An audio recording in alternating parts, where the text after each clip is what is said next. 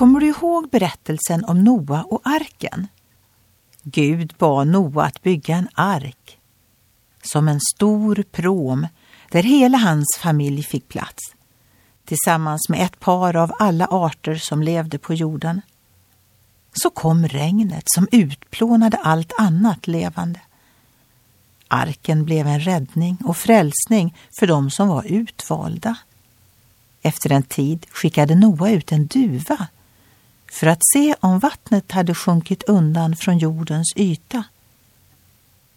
Men duvan hittade ingen plats där hon kunde vila sin fot utan kom tillbaka till honom i arken eftersom vatten täckte hela jorden. Då räckte Noa ut handen och tog in duvan till sig i arken. Så är det med oss också.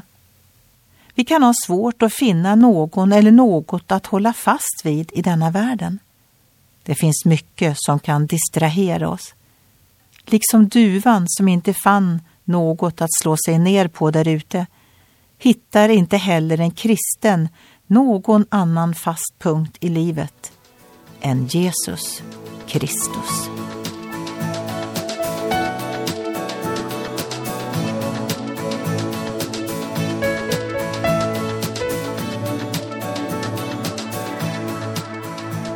Ögonblick med Gud producerat av Marianne Källgren, Noria Sverige.